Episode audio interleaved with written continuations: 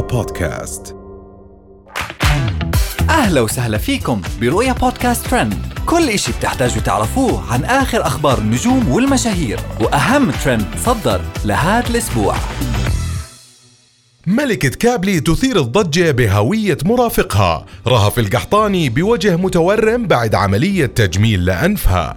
تعليق صادم من هيا الشعيبي بعد منعها من دخول السعودية. وأخيرا حنان النجادة تنصدم بوجهها المتورم.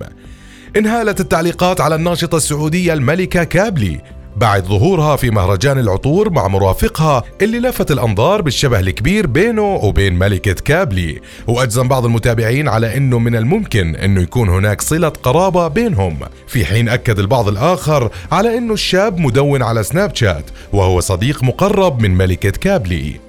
ننتقل لرهف القحطاني واللي أجرت مؤخرا عملية تجميل لأنفها وظهرت على متابعينها بالجبيرة. مؤكدة رضاها التام على نتيجة العملية وأضافت إنها تخلت عن فيلر الشفاه خلال العملية مؤكدة على إنه هدفها الوصول لشكل باربي. وتفاوتت الآراء بعد ما ظهرت رهف بنتائج العملية حول شكلها بعد العملية فقالت أحد المتابعات معقول التغيير ذا كله من عملية أنف بس؟ وقال آخر هي من الفلتر اللي تستخدمه كان مبين إنها ما متقبلة خشمها مع إنه كان عادي ما فيه شيء. بس اغلبهم مال الميديا صار يبون الشيء مرسوم رسم الحمد لله رب العالمين. وكانت رهف قد لمحت سابقا إنها بتنوي الخضوع لعملية تجميل لأرنبة أنفها وحقن إبرة فيلر ولكنها صدمت الجميع بعد ما أجرت عملية تجميل وجراحة تجميلية. من جهة أخرى وجهت الفنانة هيا الشعيبي رسالة للسعوديين بعد ما شارك العديد من الفنانين في عدد من الفعاليات الفنية في السعودية اللي ضم مجموعة من كبار فنانين الكويت مع كبار الفنانين السعوديين إضافة لمهرجان العطور اللي ضم أيضا عدد كبير من المشاهير الكويتيين. وضمت رسالة هيا الشعيبي للسعوديين مدح للجمهور السعودي ووصفتهم بالجمهور الجبار وعبرت عن سعادتها بالتطور اللي وصلت له السعودية برسالة شكرت فيها رئيس هيئة الترفيه تركي آل الشيخ. وعلى ما يبدو أن الحرب مستمرة بين الفنانة هيا الشعيبي ومي العيدان. بعد ظهور الأخيرة ببرنامج منتقدة وجودها الدائم مع أولادها في لوكيشن التصوير. وردت هيا على الموضوع في فيديو ظهرت فيه عبر سناب شات وقالت في شغلة بقولها يعني على وحدة مذيعة أه تقول إنها ناقدة.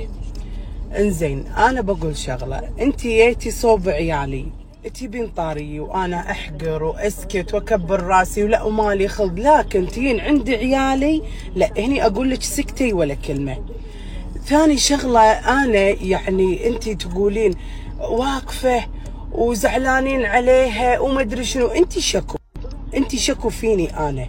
انت شكو حطوك محامي حطوك مدافع انت شكو. يبا الابو يزعل على بنته الاخو يزعل على اخته. يبا هذيلا هلي هذيلا هلي. وأخيرا حنان النجادة اللي ظهرت على متابعينها بوجه وشفتين منتفختين متسائلة عن السبب وراء هذا الانتفاخ والتخدير اللي بتشعر فيه وماهيته وبعدها رجعت ظهرت حنان بعد موعدها مع الطبيب ووضح الطبيب إنه السبب وراء هذا الانتفاخ شيء ما له علاقة بالأعصاب وإنه مجرد التهاب وإنها تخضع الآن للعلاج والأدوية اللازمة.